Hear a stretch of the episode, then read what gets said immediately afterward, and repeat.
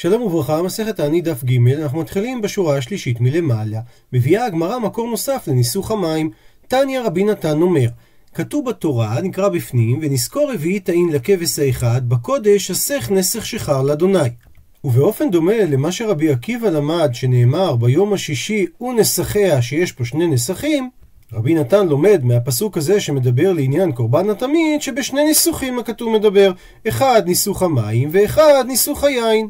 ושואלת הגמרא, אימה תאמר תרוויו דחמרא? אולי שני הניסוחים הם ניסוחים של יין, מי אמר שאחד מהם הוא מים? עונה הגמרא, אם כן, לכתוב קרא, שיהיה כתוב בפסוק באותו אופן, או הסך הסך, או נסך נסך. מים, מדוע נקטה התורה את השינוי הזה, הסך נסך, אלא שמעת מינה, זה בא ללמד אותנו, אחד מהניסוחים דמאיה זה של מים, ואחד מהניסוחים דחמרה של יין. ושואלת הגמרא, אלא הדתנן, כמי הולכת המשנה ששנינו במסכת סוכה, שניסוך המים הוא במשך כל שבעת ימי הסוכות, שהרי מאני, כשיטת מי זה? אי רבי יהושע, שאמר בעמוד הקודם, שמזכירים גבורות גשמים משעה שכבר לא נוטלים, משעת ההנחה של ארבעת המינים, שזה מיום שביעי של חג הסוכות. אז נימה, נאמר, רק חד יומא, רק יום אחד מנסחים את המים. ואי, זה שיטת רבי עקיבא, שלמד מזה שכתוב ביום השישי ונסחיה, אז ביום השישי יש ריבוי של ניסוך המים. אז אם כך, ניסוך המים הוא רק תרי יומי, רק שני ימים, השישי והשביעי. והיא תאמר שזה שיטת רבי יהודה בן בטרה, שראינו בדף הקודם שהוא למד מזה שכתוב ביום השני ונזקיהם, ביום השישי ונסחיה, וביום השביעי כמשפטם, שרמוז פה מ' י' הרי כאן מים, מכאן רמז לניסוך המים מן התורה. אבל גם לשיטתו, זה לא שניסוך המים זה שבעה ימים, אלא רק שיטה יומי שישה ימים. ונסכם את הדברים בתרשים הבא. שיטת רבי יהושע, שמתחילים להזכיר גבורות גשמים ביום השביעי, זה כנראה אומר שגם ניסוך המים הוא רק יום אחד. שיטת רבי עקיבא, שביום השישי, במילה ונסחיה רמוזים ניסוך היין וניסוך המים, זה אומר שניסוך המים הוא כנראה בימים שישי ושביעי, רק יומיים. ושיטת רבי יהודה בן בטרה, שהיא השיטה הכי רחבה בימים, היא תתחיל מהיום השני שכתוב ונזקיהם, ותסתיים ביום השביעי שכתוב כמשפטם, אבל זה רק שישה ימים. אז כמי הולכת המשנה ממסכת סוכה שאומרת ניסוך המים כל שבעה? מתרצת הגמרא לעולם המשנה ממסכת סוכה רבי יהודה בן בטרה היא, וסביר עלי, והוא סובר כרבי יהודה דמתניתין דתנן, שכך שנינו במסכת סוכה. רבי יהודה אומר, בלוג היה מנסח כל שמונה. והוא חולק שם על תנא קמא בשני דברים. תנא קמא אמר שהיו מנסחים בכלי שהיה מחזיק כמות של שלושה לוגים, ורבי יהודה אומר בכלי שמחזיק כמות של לוג. והדבר הנוסף, והוא רלוונטי לענייננו, שתנא קמא אומר שהיו מנסחים את המים לא כולל שמיני עצרת, ורבי יהודה אומר כולל שמיני עצרת. וכיוון שבשמיני עצרת רבי יהודה אומר שהוא מנסח את המים, אז ניתן להעמיד שרבי יהודה בן בטרה שאמר שמתחילים את ניסוך המים ביום השני, הרי אם הוא יסיים את זה בשמיני עצרת, אז יצא לנו שאכן מנסחים את המים לפי שיטתו כל שבעה. כך שלשיטתו הוא מפיק ראשון ומעיל שמיני. שלא כמו שהבנו קודם, שלפי רבי יהודה בן בטרה זה מיום שני עד יום שביעי, נאמר שרבי יהודה בן בטרה אמנם מתחיל ביום השני, אבל מסיים ביום השמיני. ובאופן הזה הוא מוציא את היום הראשון, מכניס את היום השמיני, ואם כך, הוא התנא שאומר שניסוך המים אורך שבעה ימים. מקשה על כך הגמרא, ומה ישנה ראשון דלא? הרי לפי רבי יהודה בן בטרה, מדוע אנחנו אומרים שביום הראשון אין ניסוך המים? הסיבה, דכי רמיזי מים בשני הוא דרמיזי, שהרי הם רמוזים ביום השני, אז אם כך, היום השמיני נמי, כי רמיזי מים בשביעי הוא דרמיזי.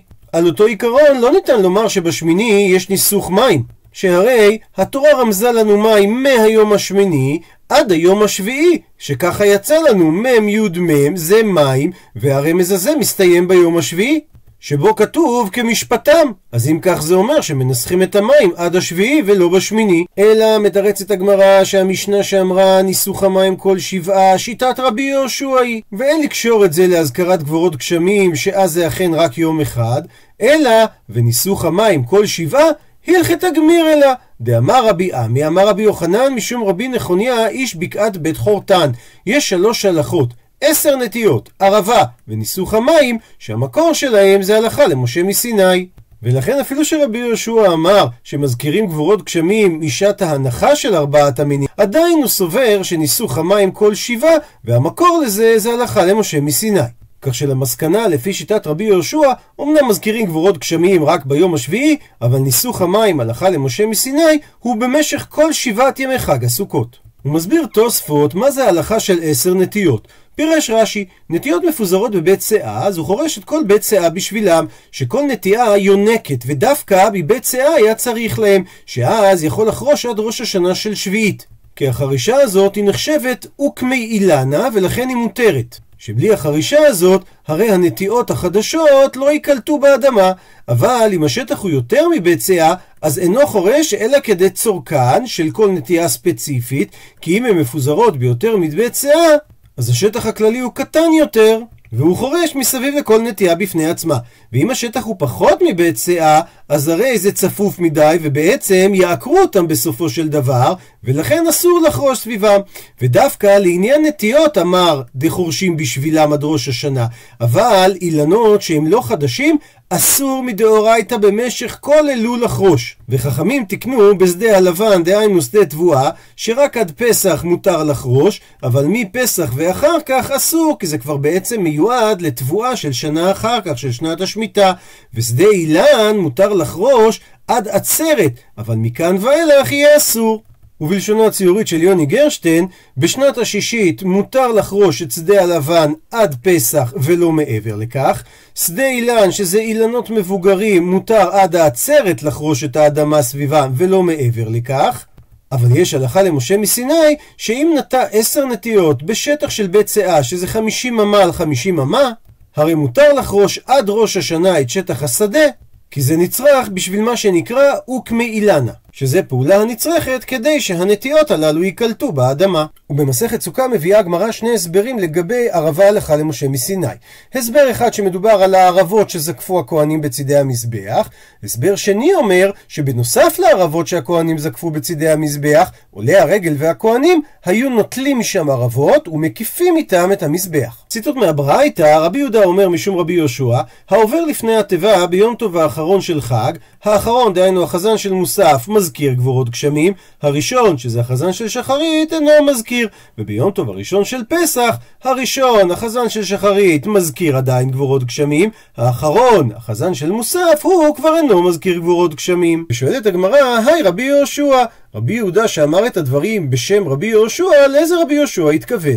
אילי, מה אם תאמר שמדובר על רבי יהושע דמתניתין שמוזכר במשנה שלנו, האמר ביום טוב האחרון של חג הוא מזכיר? והוא לא חילק בין חזן שחרית לחזן מוסף, אז זה לא מסתדר עם הברייתא. אלא מה תגיד, זה רבי יהושע דברייתא? מהעמוד הקודם, האמר, הרי שם הוא אומר משעת הנחתו. והכוונה ליום השביעי של חג הסוכות, אבל הברייתא פה אמרה שזה יום טוב האחרון של חג, דהיינו בשמיני עצרת. ותו, ועוד שאלה באותו סגנון, הדתניא, מה ששנונו בברייתא, שרבי יהודה אומר משון בן בטרה, שהעובר לפני התיבה ביום טוב האחרון של חג, האחרון, דהיינו החזן של מוסף, הוא זה שמזכיר את גבורות הגשמים, היי בן בטרה, על איזה בן בטרה מדובר? שהרי אילם, האם תאמר שמדובר על רבי יהודה בן בטרה, האמר, הוא אמר שבשני בחג הוא מזכיר, ולא ביום טוב האחרון של חג. ומתרצת הגמרא, אמר רב נחמן בר יצחק, תהא ברבי יהושע בן בטרה. גם השאלה על הברייתא הראשונה על איזה רבי יהושע מדובר, גם השאלה על הברייתא האחרונה על איזה בן בטרה מדובר, זה אותו בן אדם, זה רבי יהושע בן בטרה. זימנין דקרי לי בשמי, וזימנין דקרי לי בשמי דאבא. שרבי יהודה בברייתא אמר משום רבי יהושע, דהיינו הוא קרא לו בשמו, ובציטוט אחר כך קראו לו משום בן בטרה. והסיבה לדבר, והא מקמי דליסמכוהו, והא לבתר. שפעם, כדי לקבל את התואר רב, אתה לא היית עושה מבחני רבנות, אלא היית לומד אצל רב שהוא נסמך מהרב שלו, שהוא נסמך מהרב שלו עד משה רבנו, וכשהרב היה חושב שהתלמיד שלו ראוי להוראה, אז הוא היה סומך אותו. אז לפני שהרב שלו נתן לו שמיכה, הוא לא היה מספיק חשוב שיקראו לו בשם שלו, ואז קראו לו בשם של הבן של אבא שלו, לכן קראו לו בן בטרה, אבל אחרי שהוא קיבל את השמיכה מהרב שלו, קראו לו רבי יהושע. וממשיכה הגמרא ומביאה ברייתא, תנא, בטל וברוחות לא חייבו חכמים להזכיר, ואם בא להזכיר, מזכיר. הוא מסביר רש"י שטל ורוחות הכוונה לאמירה משיב הרוח ומוריד הטל שלא חייבו חכמים להזכיר את זה אפילו במות הגשמים. אלא החיוב היה רק על הורדת הגשם. ובכל זאת אם אדם רוצה להזכיר את זה בתפילה הוא יכול להזכיר. שואלת הגמרא מה היא טעמה? מה הטעם בדבר? עונה על כך אמר רבי חנינא לפי שאין נעצרים. דהיינו שהם לא יכולים להיפסק שבלעדיהם העולם לא יכול להתקיים.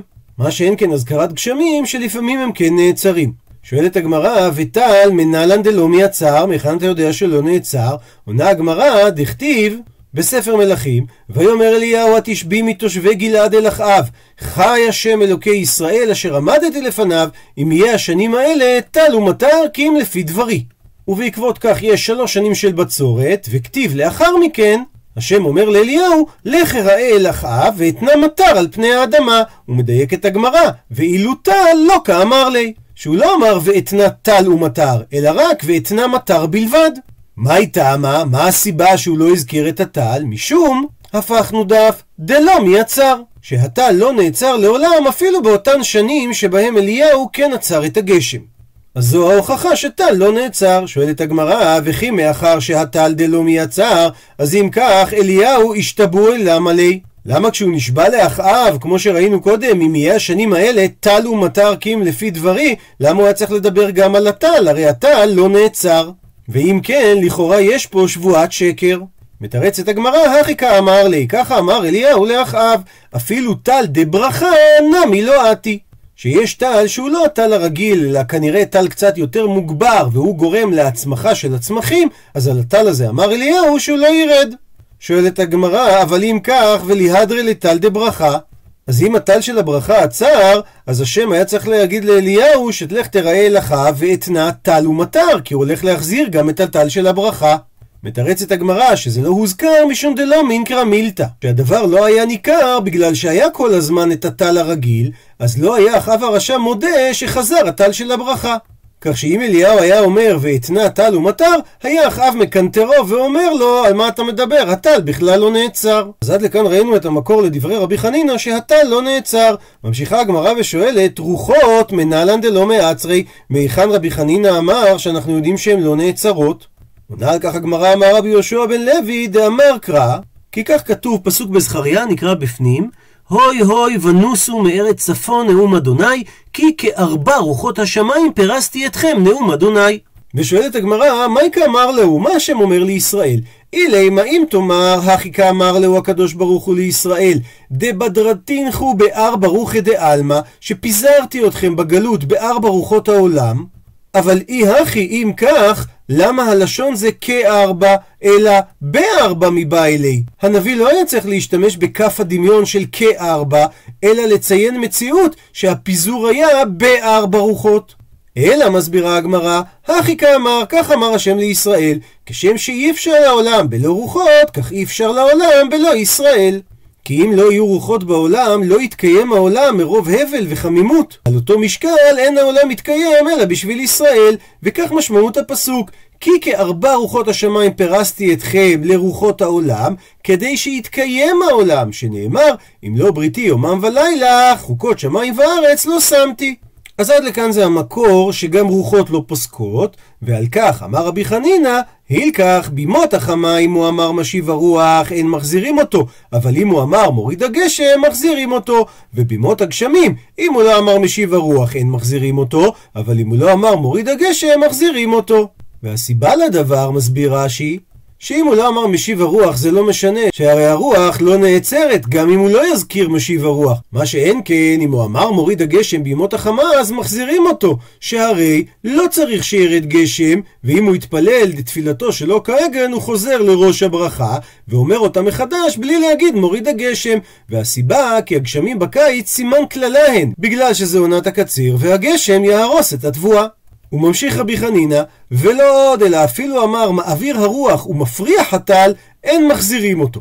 דהיינו, אם הוא אמר מעביר הרוח, דהיינו הוא התפלל שלא תנשוב הרוח, או מפריח הטל, שהוא התפלל שלא ירד הטל, אין מחזירים אותו, כי הרוח והטל, כמו שאמרנו, לא עוצרים, לכן התפילה שלו לא גורמת נזק. וממשיכה הגמרא ומביאה ברייתא, תנא, באבים וברוחות, דהיינו להגיד את הנוסח מקשר אבים, הכוונה מביא עננים, או משיב הרוח, לא חייבו חכמים להזכיר. ובכל זאת, אם הוא רוצה, ואם בא להזכיר בתפילה, מותר לו, מזכיר. שואלת הגמרא, מהי טעמה של הדבר? עונה הגמרא, משום דלא מעצרי. ובגלל שהם לא עוצרים, הרי לא חייבו חכמים את האדם להזכיר את זה בתפילתו. מקשה הגמרא, ולא מעצרי? האם הם לא עוצרים? ועתני רב יוסף. והרשנה רב יוסף על הפסוק שאנחנו אומרים בפרשייה השנייה של קריאת שמע, ועצר את השמיים, אז דורשים מן האבים ומן הרוחות.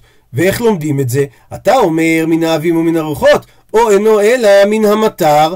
אז כשהוא אומר בהמשך ולא יהיה מטר, אז הרי מטר אמור בצורה מפורשת. אז אם כך, אה, מה אני מקיים מהפסוק ועצר את השמיים? הכוונה שהוא עוצר אותה מן האבים ומן הרוחות. אז אם כך, קשיא ארוחות ארוחות, קשיא אבים האבים. שאמרנו בברייתא הקודמת, שבאבים וברוחות לא חייבו חכמים להזכיר והסיבה כי הם לא נעצרים, ורב יוסף הביא ברייתא שלמדה מהפסוק ועצר את השמיים שהוא עוצר אותם מהאבים ומהרוחות. מתרצת הגמרא, אבים האבים לא קשיא, לא קשה מאבים על אבים. למה? הא בחרפי, הא באפלי. מסביר רש"י, חרפי זה אבים עננים בחירות, דהיינו, עננים שבאים לפני המטר, והם לא נעצרים אף פעם. לעומת זאת, הפסוק מהפרשייה השנייה של קריאת שמע שאמר שהעננים כן נעצרים, הוא מדבר באפלי, דהיינו, בעננים שבאים מאוחר, אחרי הגשם, שהם שניות למטר, ועליהם אמר הפסוק, ועצר את השמיים. מסביר רש"י שבגלל שיש לנו עננים שלא נעצרים ועננים שכן נעצרים, אז לא חייבו חכמים להזכיר את עניין העננים. את הגמרא שגם רוחות הרוחות לא קשיא, הא ברוח מצויה, הא ברוח שאינה מצויה.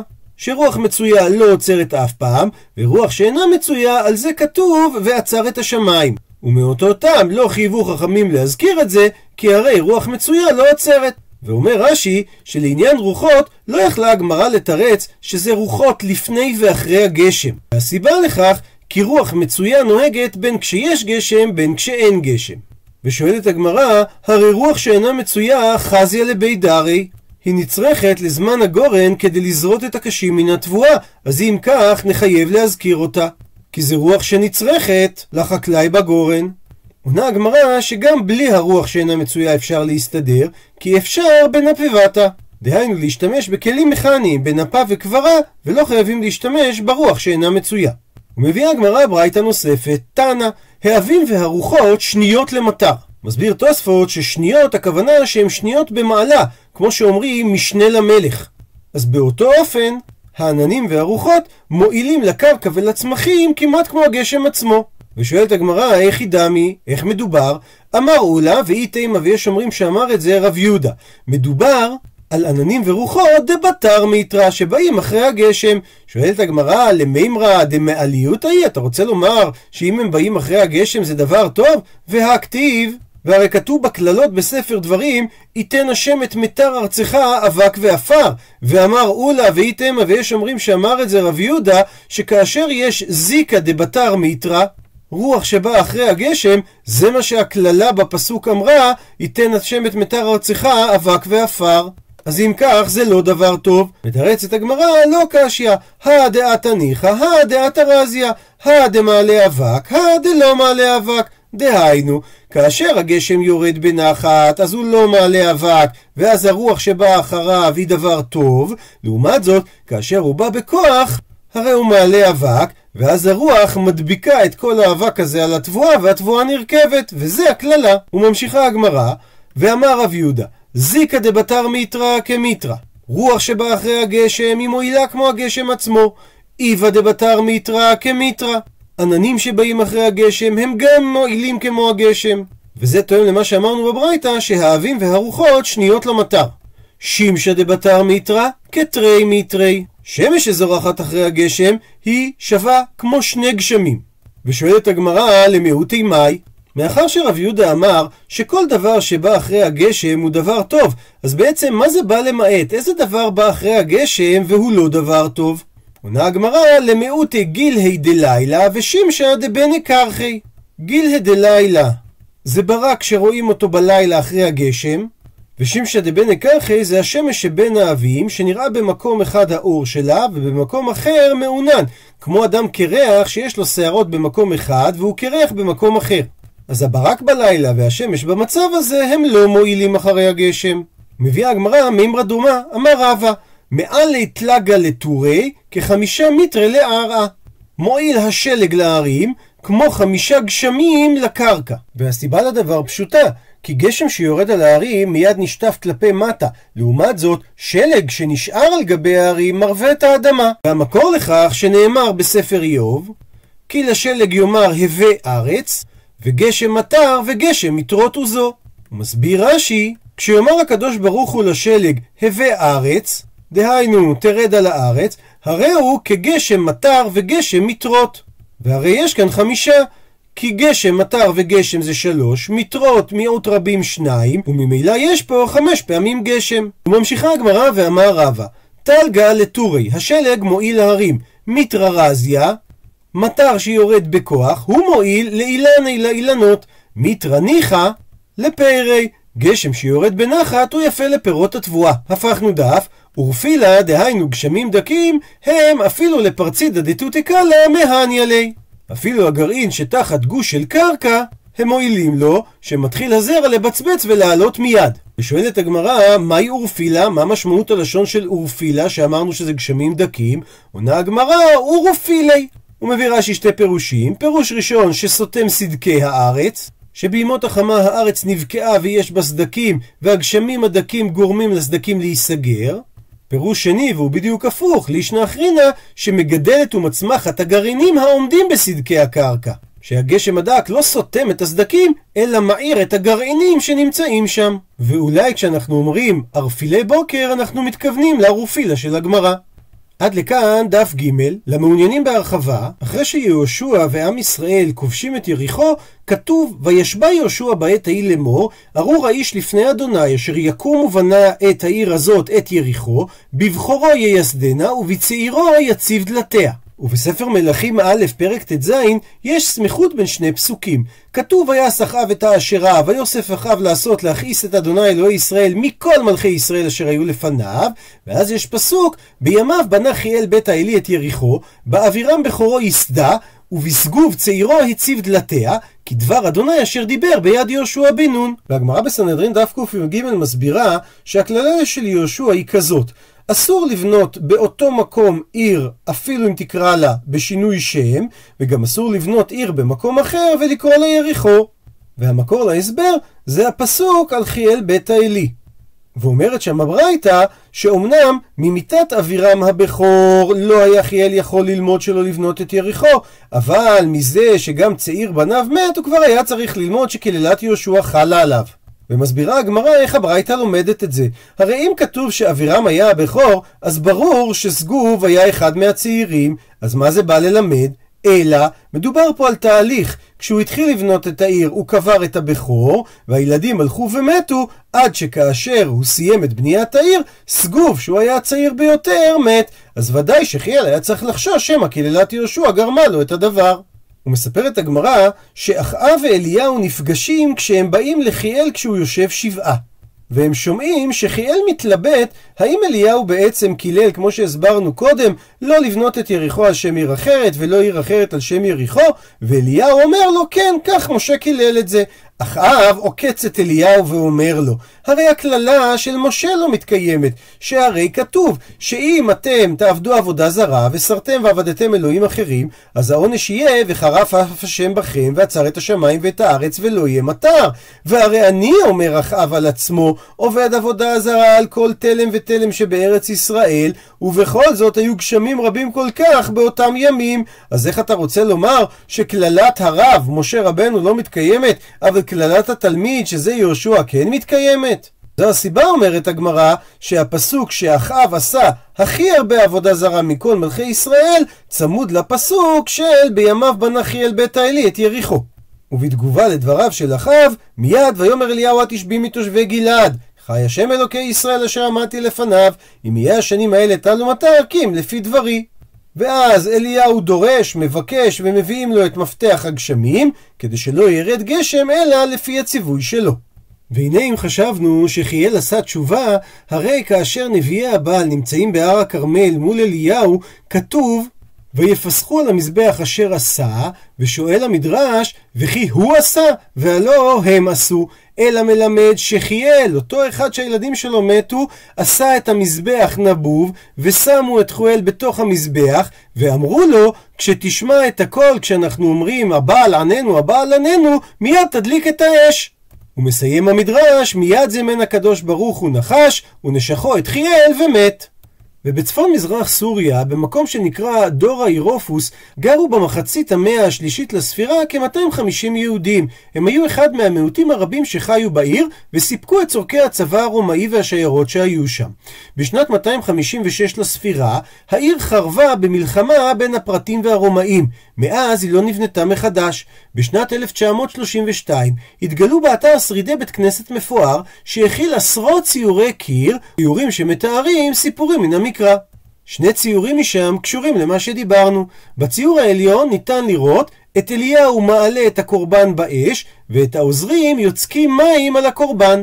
בציור השני ניתן לראות את נביאי הבעל מתגודדים מסביב למזבח, את המזבח חלול ובתוכו נמצא אחיאל בית האלי, ואת הנחש שמקיש אותו למוות.